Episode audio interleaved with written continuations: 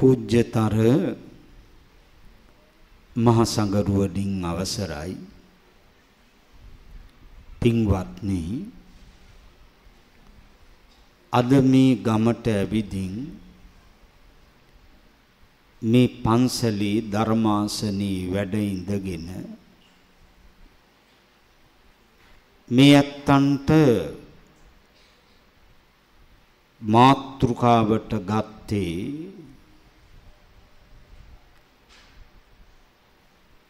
කුද්දක නිකායේ ධම්මපදේ යමක වග්ගයට අයිති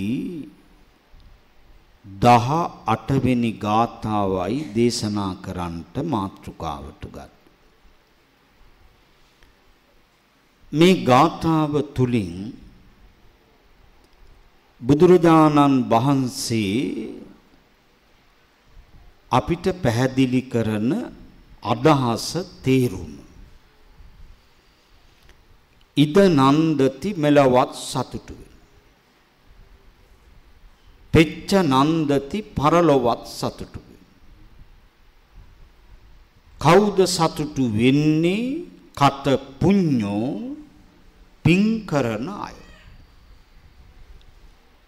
පුඤ්ඤං මේ කතන්ති නන්ද. පින් කරන අය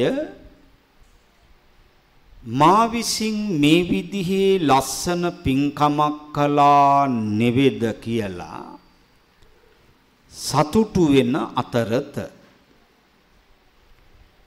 බියෝ නන්දති සුග්ගතින් ගතෝ. කිසිම භයක් නැතුව කිසිම භයක් නැතුව සුගතිගාමී සැපවත් ආත්මවල ඉපදිලා උප්පත්තිය ලබලා ඒ සැප භුක්ති විඳිමින් සතුටු වෙනවා කියන අදහසයි ගාථාවේ කෙටි තේරුම.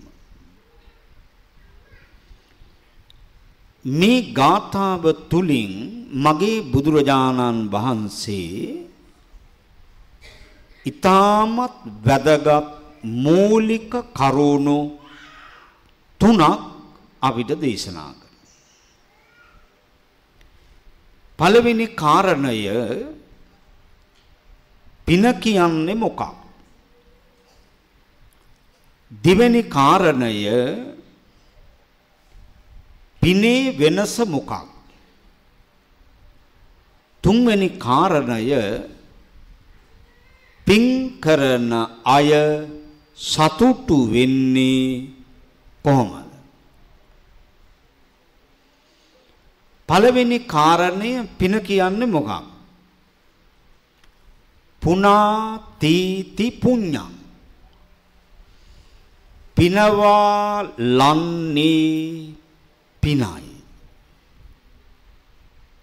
කුමක්ද පිනවා ලන්නේ චිත්තං පුනාතීති හදයන් පුනාති.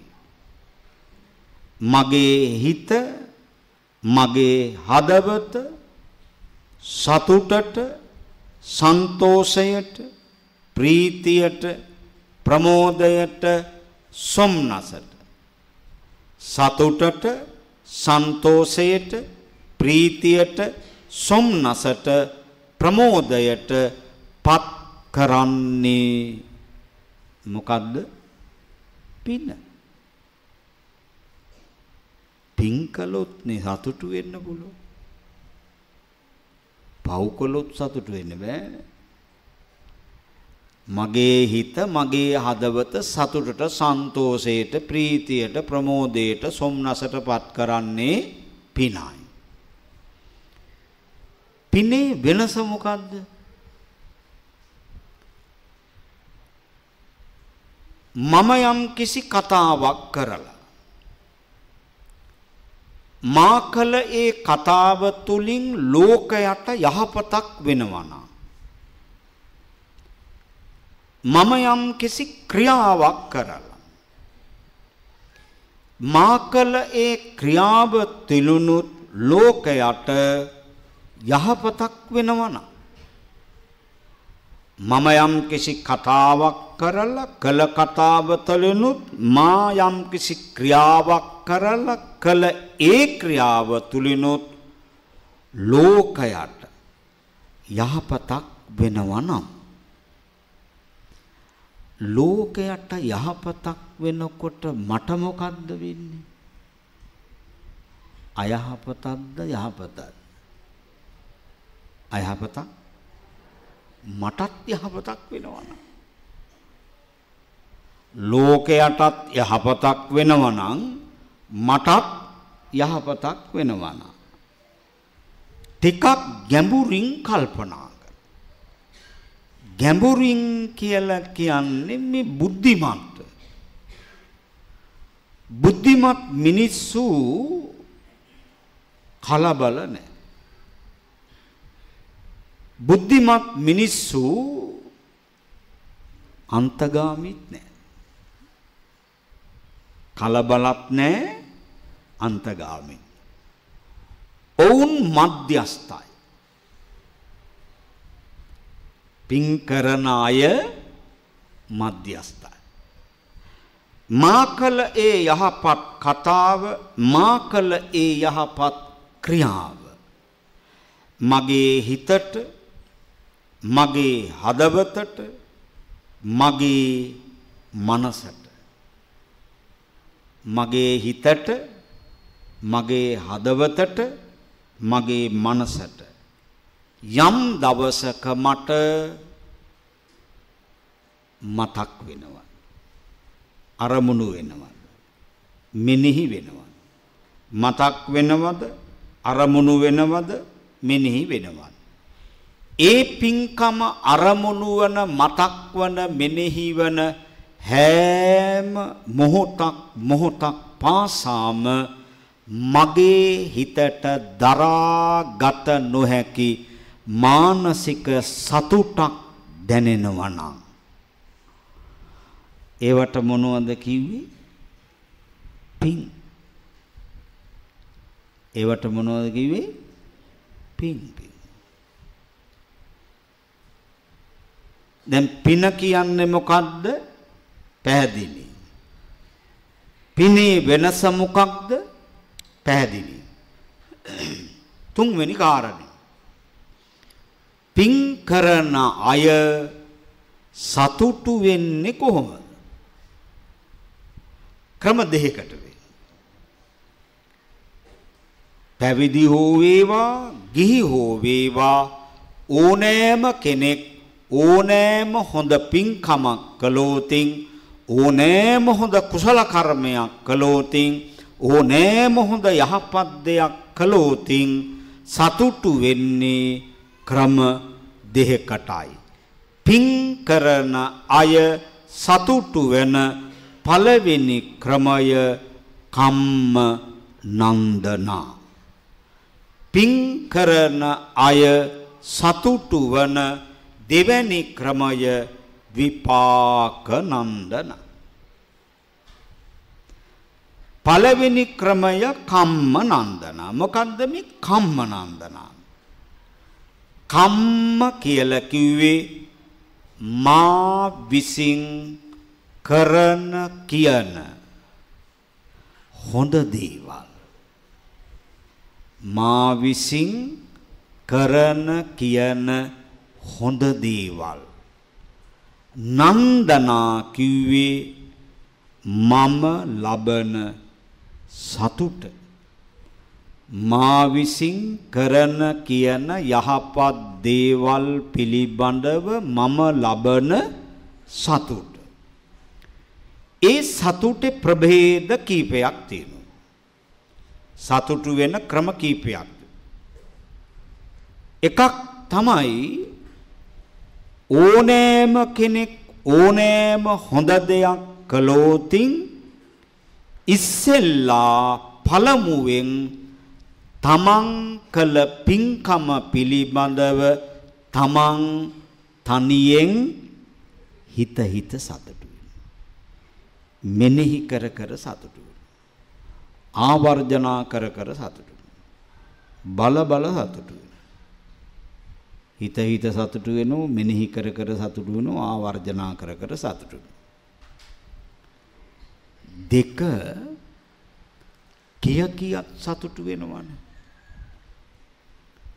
තමන්ගෙන් පරිබාහිර පිටස්තර අය සමග කිය කියක් සතුටු වෙනවා. ඒ සතුට වැඩි වුණාම අම්මත් එක්ක කියනෝ තාත්තත් එක්ක කියනවා තමන්ගේ බිරිඳ ස්වාමියාත් එක්ක කිය කිය සතුටු වෙනවා දූ දරුවොත් එක්ක කිය කිය සතුටු වෙනවා සහෝදර සහෝදරියොත් එක්ක කිය කිය සතුටු වෙනවා නෑදෑයෝ එක්ක කිය කිය සතුටු වෙනවා හිතවතුන් එක්ක කිය කිය සතුටු වෙනවා පන්සලේ දායකයොත් එක්ක කිය කිය සතුටු වෙනවා අසල්වාසීන් එක්ක කිය කිය සතුටු වෙනවා ගමේ අය එක්ක කිය කිය සතුටු වෙනවා.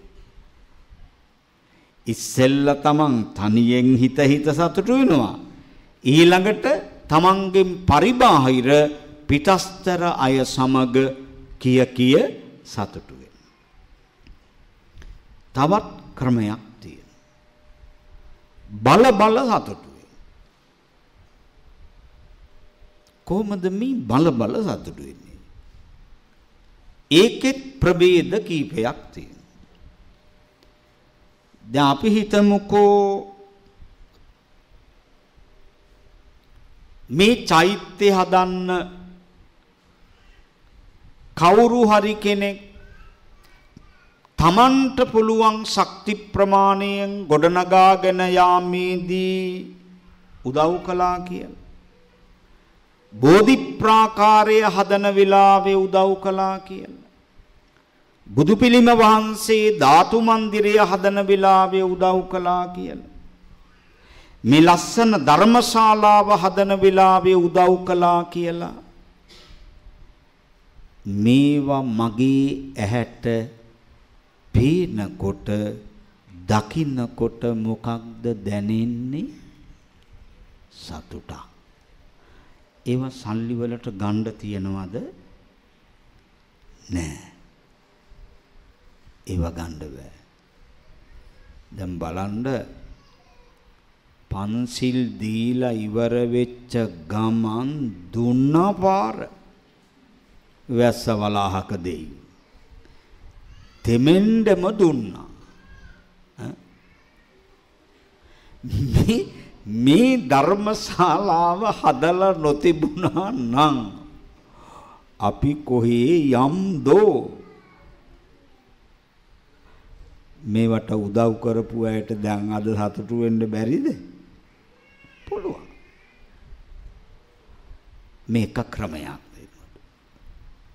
තවත් ක්‍රම දෙකක් තියෙනවා. බල බල සතුටු වෙන. අපි හිතමු අපේ පින්කම කරන දවසේ මම මට සිහි වටනයක් හැටියට මට මේක ඡායාරූප ගත කරගන්න අවශ්‍යයි. ෆොටෝ ගන්න.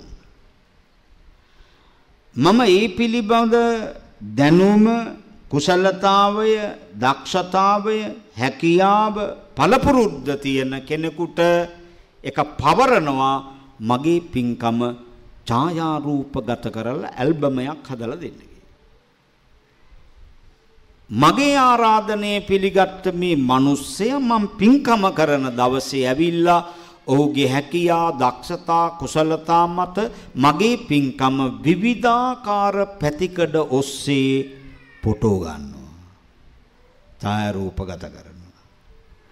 පින්කම කරලා සතියකට විතර පස්සේ මට ඒ ෆොටෝ ටික ගෙනත් දෙන්න. ෆොටෝ ටික දිහා බලනකොට ඇති වෙන්නේ දුකක්ද සතුටක්ද? කම්මනන්දන. කම්මනන්දන. තව එක ක්‍රමයක් තියෙනවා. අපි හිතමුකෝ මම පින්කම කරන මොහොතේ මට ඒ පින්කම සිහිවටනයක් හැටියට තියාගන්න වීඩියෝ ගත කර. එකට මට අවශ්‍ය කරන. ඒ පිළිබඳ දක්ෂතාවයේ ඇති මිනිස්සෙකුට මම ඒක පවරනවා. ඒ මිනිස්සයා ඇවිදින් මගේ පින්කම කරන දවසේ විවිධාකාර පැතිකඩ ඔස්සේ ලස්ස ලස්සනට මේක වීඩියෝ ගත කරනු මන් දන්නෙත් නෑ සමහර ඒවා මට පේන්නෙත් නෑ. මට නොපෙනෙන තැන් හොඳට වීඩියෝ ගත කරලා වීඩියෝ පටය ගෙනත් දෙනවා මම පින්කම කරලා මාසෙකට විතර පස්සේ මාසෙකට විතර මාසෙකට විතර පස්සේ ගෙනල්ලා දුන්නු වීඩියෝ එක දිහා බල බල ලබන්නේ මොකක්ද? සතුට. කම්මනන්දනා. මේවට කියන්නේ කම්මනන්දනා. තමා විසින් කළ කී දෑ පිළිබඳව තමන් ලබන සතුට. එක හිත හිත දෙක කිය කිය තුන බල බල. කම්ම නන්දන. දෙවෙනි ක්‍රමය. මේක ඇහැට පේන්නේ තම තමන්ගේ බුද්ධි මට්ටමට අනුව එක තමන්ට අවබෝධ වෙනවා. දැනෙනවා. දැන් ධර්මයේ ලක්ෂණයක් තමයි ලෝවැඩ සංගරාවේ සඳහන් කරන්නේ තම තම නැනපම නින්දන ගන්න. එක එක්කෙනාගේ බුද්ධි මට්ටමට අනුවයි ධර්මය අවබෝධ කරගන්න. දැන් බලන්න බුදුහාමුදුරුවෝ ධර්මයේ දේශනා කරන ඔක්කොටම පොදුවේ කාටත් බණ කියනවා. නමුත් බණහලා ඉවර වෙනකොට එකම ධර්මශාලාවේ හිටපු පිරිසගෙන් කොටසක් රහත් වෙන. තව කොටසක් අනාගාමී. තව කොටසක් සකෘදාගාමි වෙනවා. තව කොටසක් සෝවාන් වෙනවා. තව කොටසක් මොකක්වත් නැහැ. ඇයි ඇයි එහෙම වෙන්නේ? එක එක්කෙනාගේ බුද්ධි මට්ටමට අනුවයි ධර්මය අවබෝධ කරගන්න. ඒක මතක තියාගන්න. දැන් මේ විපාක නන්දනා කියන එක ගැඹුරුයි. බොහොම ගැඹුරු කොටසක් ඔය. මම දන්න හැටියට මං ලිහිල් කරන්න. හයියෙන් සාදු කියන්නකෝ. ওই බණ කියන වෙලාවට ශාලාවෙන් නැගිටලා යන්න එපා හොඳ නැහැ. බණ කියන අවශ්‍යතාවයක්ම සඳහාම නම් ගියාට කමක් නැහැ. ඒ ඇරෙන්න ධර්මශාලාවෙන් ඇවිද ඇවිද යන්න එපා පින්වතුනි. වාඩි වෙන්න. මේ දූල පුතාලා වාඩි වෙන්නකෝ. ඇවිද ඇවිද යන්න එපා. ඇවිද ඇවිද බණ අහන්නේ නැහැ. එතකොට පින්වතුනි මෙන්න ගැඹුරු පැත්ත.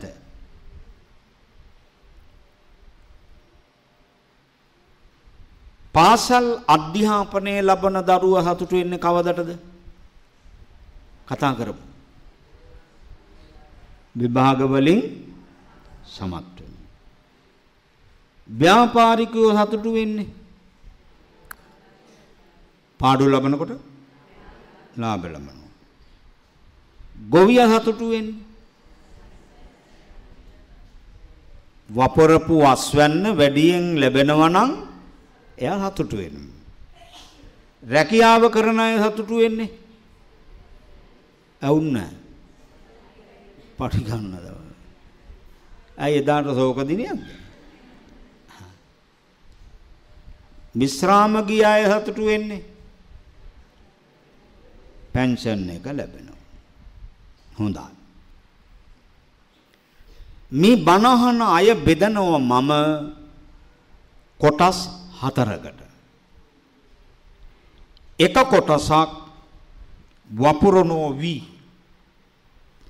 තව කොටසක් හිටවනවා කොස් තව කොටසක් හිටවනවා පොල් තව කොටසක් හිටවනවා අඹ බීජ කීයක්ද?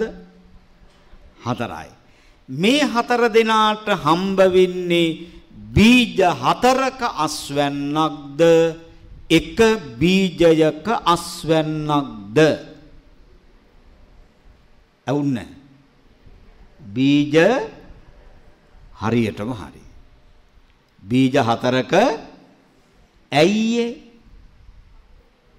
වපුරපු බීජයට අදාළයි අස්වැන්න වී වපුරපු කෙනාට වී හම්බ වේ කොස් හිටවපු කෙනාට කොස් හම්බ වේ පොල් හිටවපු කෙනාට පොල් හම්බ වෙනවා. අඹ හිටවපු කෙනාට අඹ හම්බ මේකට කියනවා බීජ නියාම. දැන් මේක වෙනස් කරන්න පුළුවන් කාටද? කාටද යා දිසං වපතේ බීජං තා දිසං හරතේ පලං මේක තමයි න්‍යාය. මේ න්‍යාය වෙනස් කරන්න බෑ කාට. මොකද්ද න්‍යාය? මා වැපුරුවේ පැලකලේ සිටෙව්වේ යම් බීජයක්ද? තා දිසං හරතේ පලං එසේ වී නම් මවිසින් බලාපොරොත්තු විය යුත්තේමද? වපුරන ලද හෝ පැල කරන ලද හෝ සිටවන ලද හෝ බීජයට අදාළ අස් වෙන්නමයි කල්යාණකාරී කල්යාණං හොඳ දෙයක් කළොතින් හොඳ ප්‍රතිඵලත් අනිවාර්යයි. නරක දෙයක් කළොතින් නරක ප්‍රතිඵලත් අනිවාර්යයි අපි ඔක්කොම එකට එකතු වෙලා වී වපුරලා තියෙනවා. දැන් ගොයන් ගස් ටික හැදිලා, කරල් පැහිලා, කපන්න ලීස්ති. සූදානම්. මේ දවස්වල මුං ඇට ගන්නවා. මම කුඹර වටේ කෑග ගහ ඇවිද ඇවිද කී කී යනවා වීයපෝ මුං ඇට දියෝ වීයපෝ මුං ඇට දියෝ ලැබෙයිද නෑනේ කවදාකවත් හම්බෙන්නේ ඇයි වපුරලා තියෙන්නේ වීනේ. එහෙනම් අස්වැන්න වීමයි. හොඳ දෙයක් කළොතින් හොඳ ප්‍රතිඵල අනිවාර්යෙන් ලැබෙනවා. නරක දෙයක් කළොතින් නරක ප්‍රතිඵලත් අනිවාර්යෙන් ලැබෙනවා. එහෙනම් ලේසි පින් කරන්නද පව් කරන්නද? ඇවුන්න. මොකක් කිව්වා? ලේසි පව් කරන් අමාරු පින් කරන් ලේසි පව් කරන්න අමාරු පින් කරන් දැන් බලන්න. ලේසියෙන්නේ ඕනම කෙනෙක් නරක දේවල් පුරුදු වෙන්නේ නේද මෑණි ඕනම කෙනෙක් බොහොම ලේසියට පහසුවට ලාභයට තමයි නරක දේවල් පුරුදු වෙන්නේ. ඒ ලේසියෙන් පුරුදු වෙච්ච නරක ගති සිරිත් අත්තරින්ද ලේසිද? ලේසි අමාරු ලේසියෙන් පුරුදු වෙන්න පුළුවන් නරක නපුරු දේවල් අත්තරින්න අමාරු. එහෙත් හොඳ දේවල් පුරුදු වෙන්න හරි අමාරු. අත්තරින්න අමාරුද? ලේසි. හොඳ දේවල් අත්තරින්න හරිම ලේසි. එහෙනම් පින්වත්නි බුදුරජාණන් වහන්සේ අපිට පැහැදිලි කරනවා. පසන්නේන මනසා පිරිසුදු මනසින් යුක්තව භාසතිවා මායමක් කියයිද? කරෝතිවා මායමක් කරයිද? තතෝනං සුකන්නන් වේති. එක මගේම සැප පිනිස පවතිනු සැපෙයි කිව්වේ. හොඳ ප්‍රතිඵල කර්ම විපාකේ හොඳ කර්ම ප්‍රතිඵල. කොහොමද එන්නේ?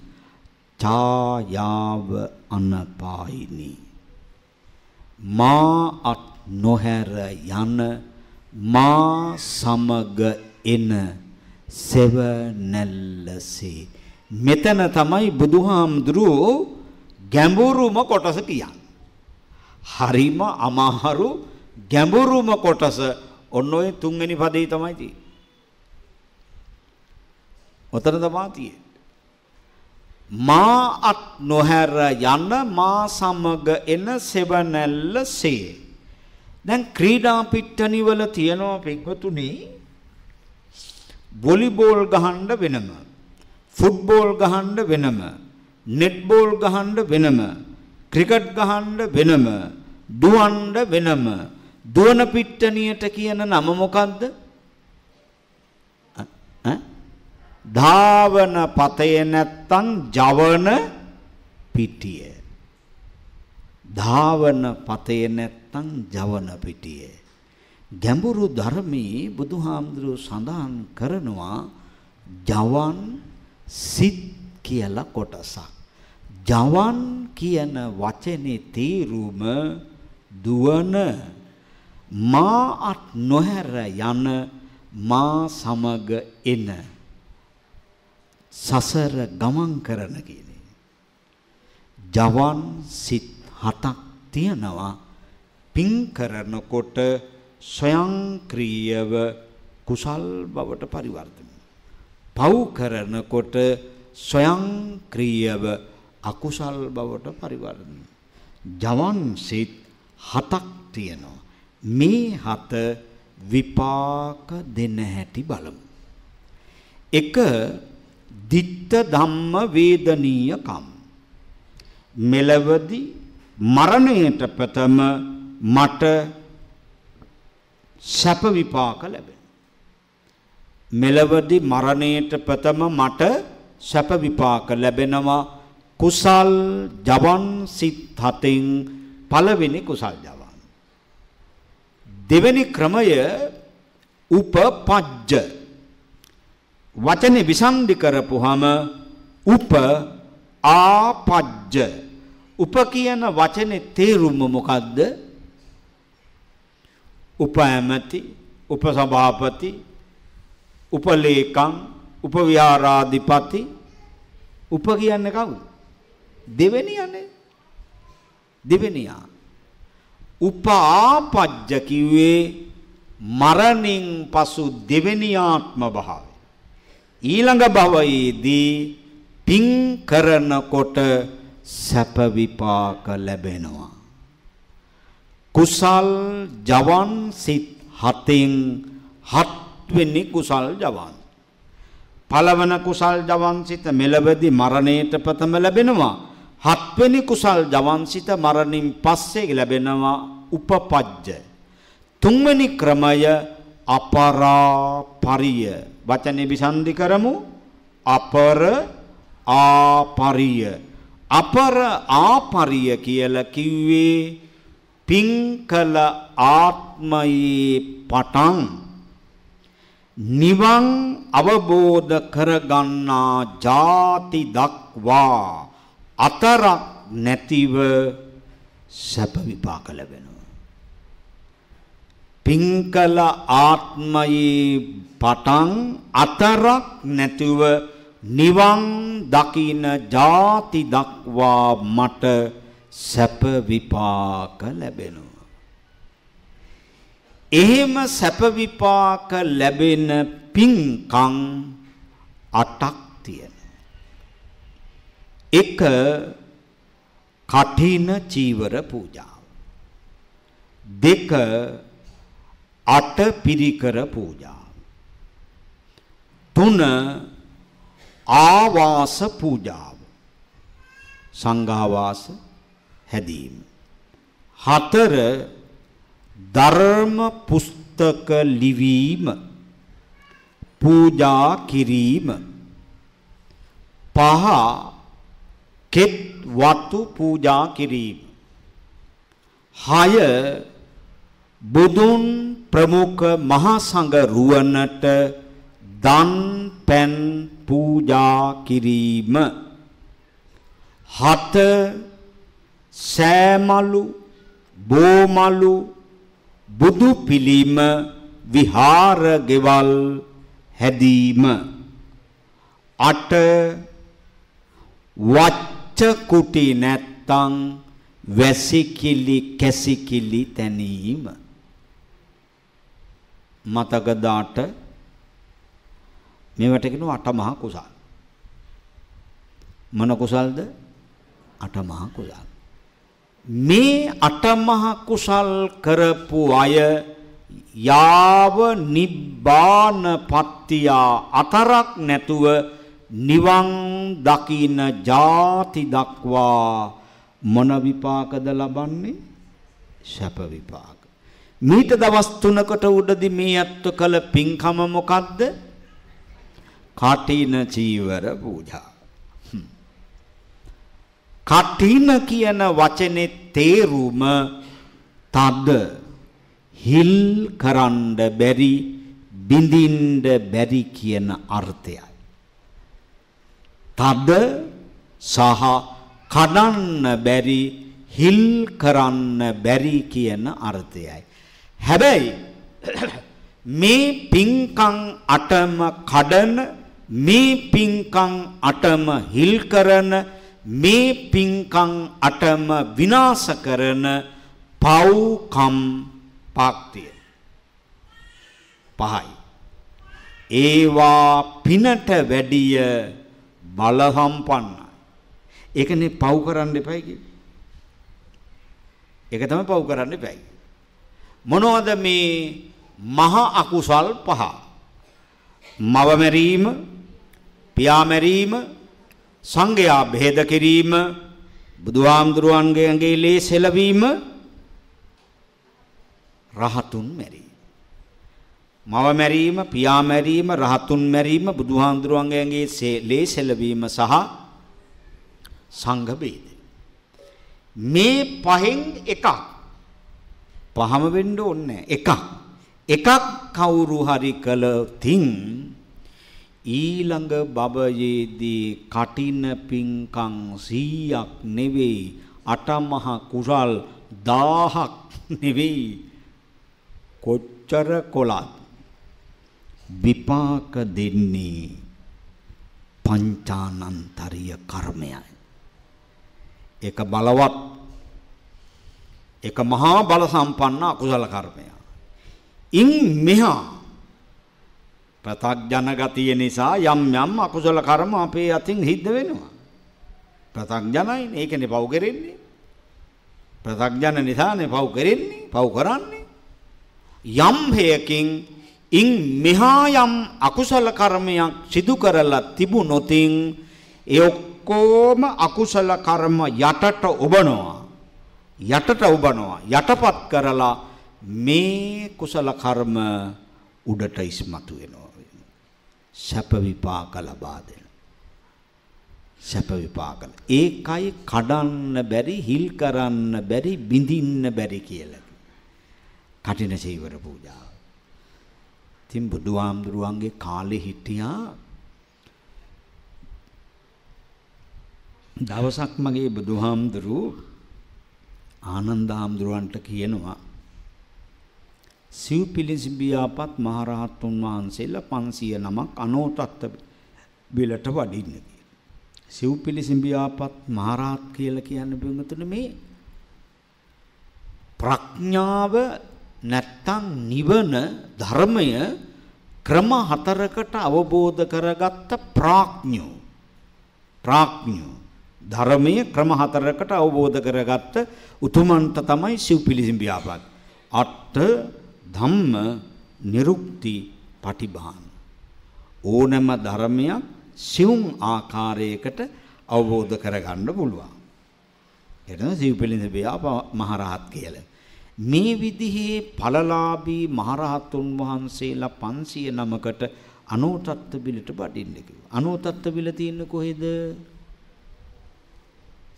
අ හිමාලේ. හිමාලේ තියෙන්නේ. යන්න පුළුවන්. ගිහින් එන්නත් පුළුවන්. කැමති නම් නතර වෙන්නත් පුළුවන්. කාටද? හිත දියුණු කරගත්ත අයට. හිත දියුණු කරගත්ත අයට යන්නත් පුළුවන් ඉන්නත් පුළුවන්. පුළුවන්. තව බොහෝ දේවල් තියෙනවා හිත දියුණු කරගත්තාම. එතන පින්වතුනි මේ මහරහතුන් වහන්සේලා 500 නමට අනෝතත්ත බිලට වඩින්න කිව්වා. දැන් බුදුහාමුදුරුවෝ මැද වැඩ ඉන්නවා. මේ රහතුන් වහන්සේලා 500 නම වටේට ඉන්නවා. මේ 500ක් වූ මහරහත් උත්තමයින් වහන්සේලාගෙන් මගේ බුදුහාමුදුරුවෝ අහනවා මහණෙනි ඔබ ඔබේ ජීවිතයේ අමතක නොවන පින්කමක් කළ කෙනෙක් වෙතොත් දැන් නැගිටලා කියන්න. බුදුහාමුදුරු මේ මහරහතුන් වහන්සේලා 509ටම කතා කරනවා. මේ 509ම පින්කම් 500ක් කරපු අය. පින්කම් දෙකක් කරපු පින්කම් දෙකක් කරපු එක්කෙනෙක්වත් එතන හිටියේ නැහැ. එක එක්කෙනා එක එක පින්කම් කරපු රහතුන් වහන්සේලා තමයි උතර හිටියේ.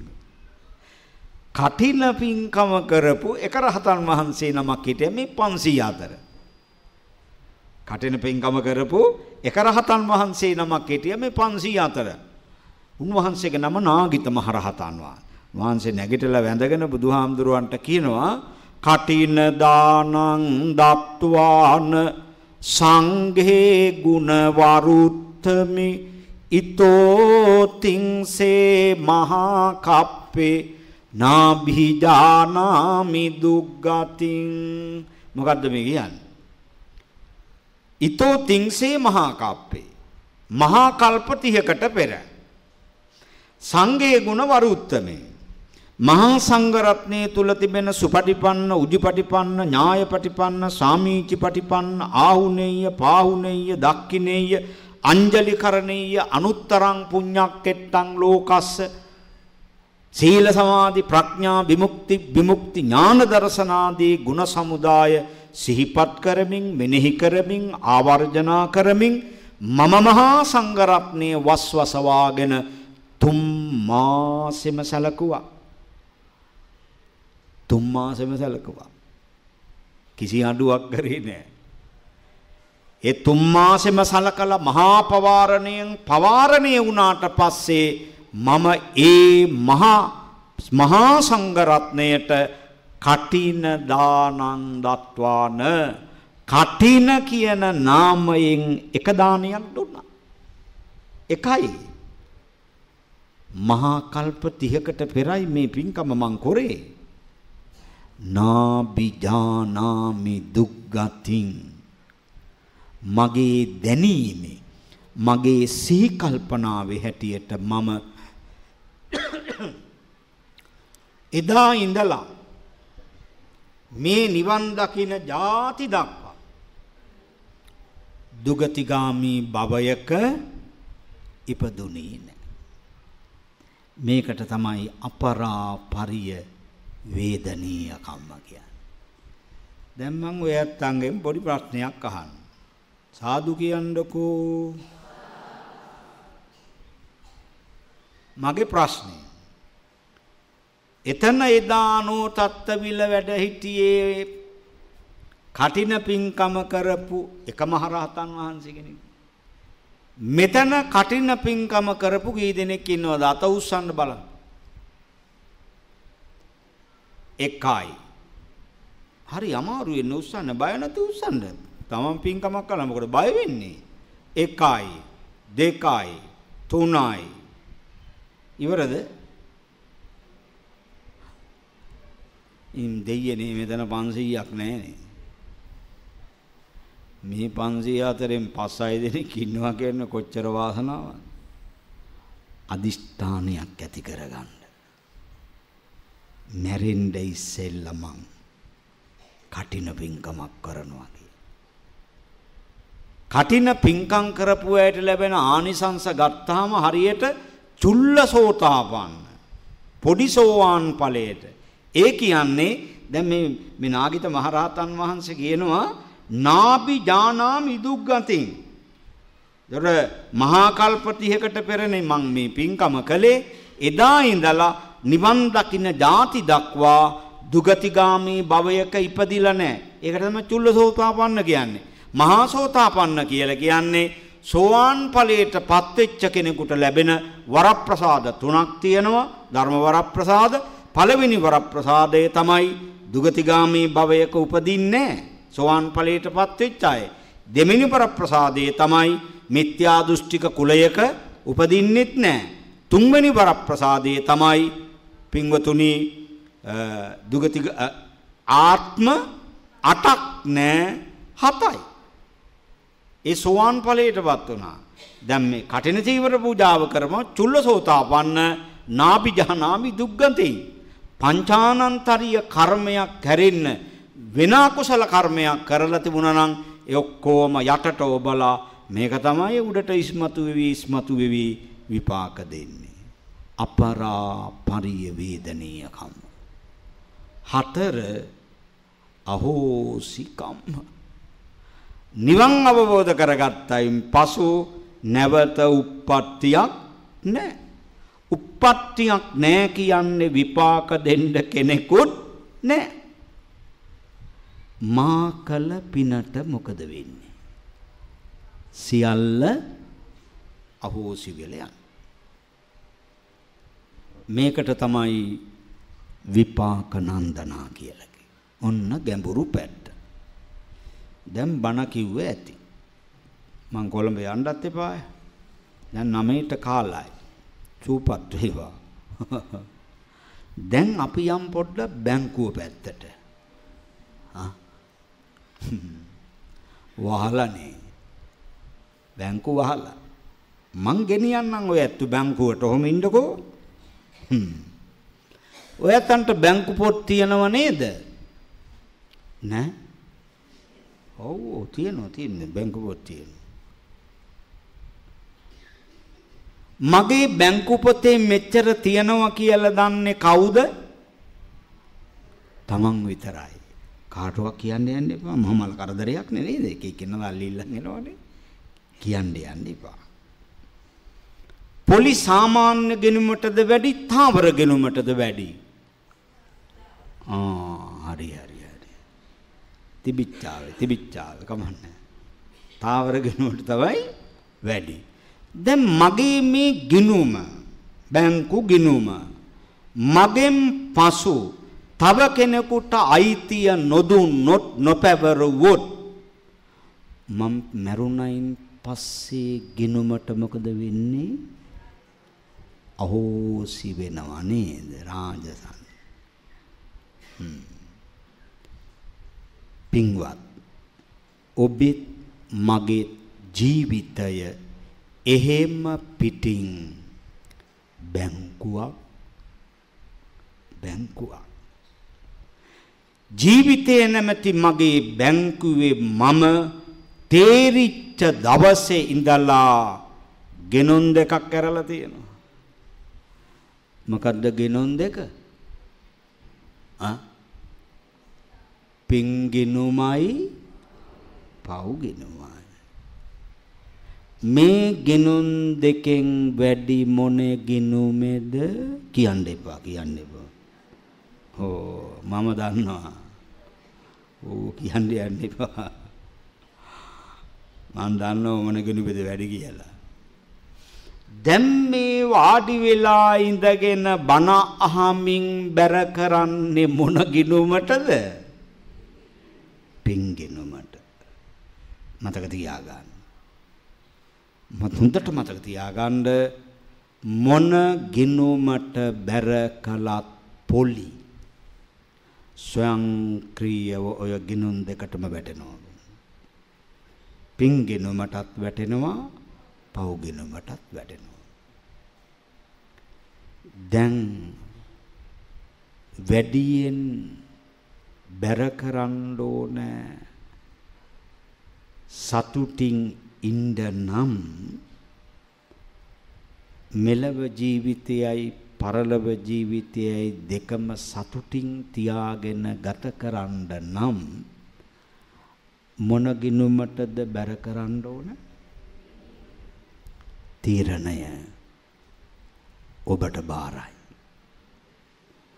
ආකාසට්ඨාච බුම්මට්ඨා දේවානාගා මහිද්దికා පුඤ්ඤන්තං අනුමෝදිත්වා චිරං රක්ඛන්තු ලෝක සාසනං පුඤ්ඤන්තං අනුමෝදිත්වා චිරං රක්ඛන්තු මේ ගරුං පුඤ්ඤන්තං අනුමෝදිත්වා චිරං රක්칸තු මම් පරන්ති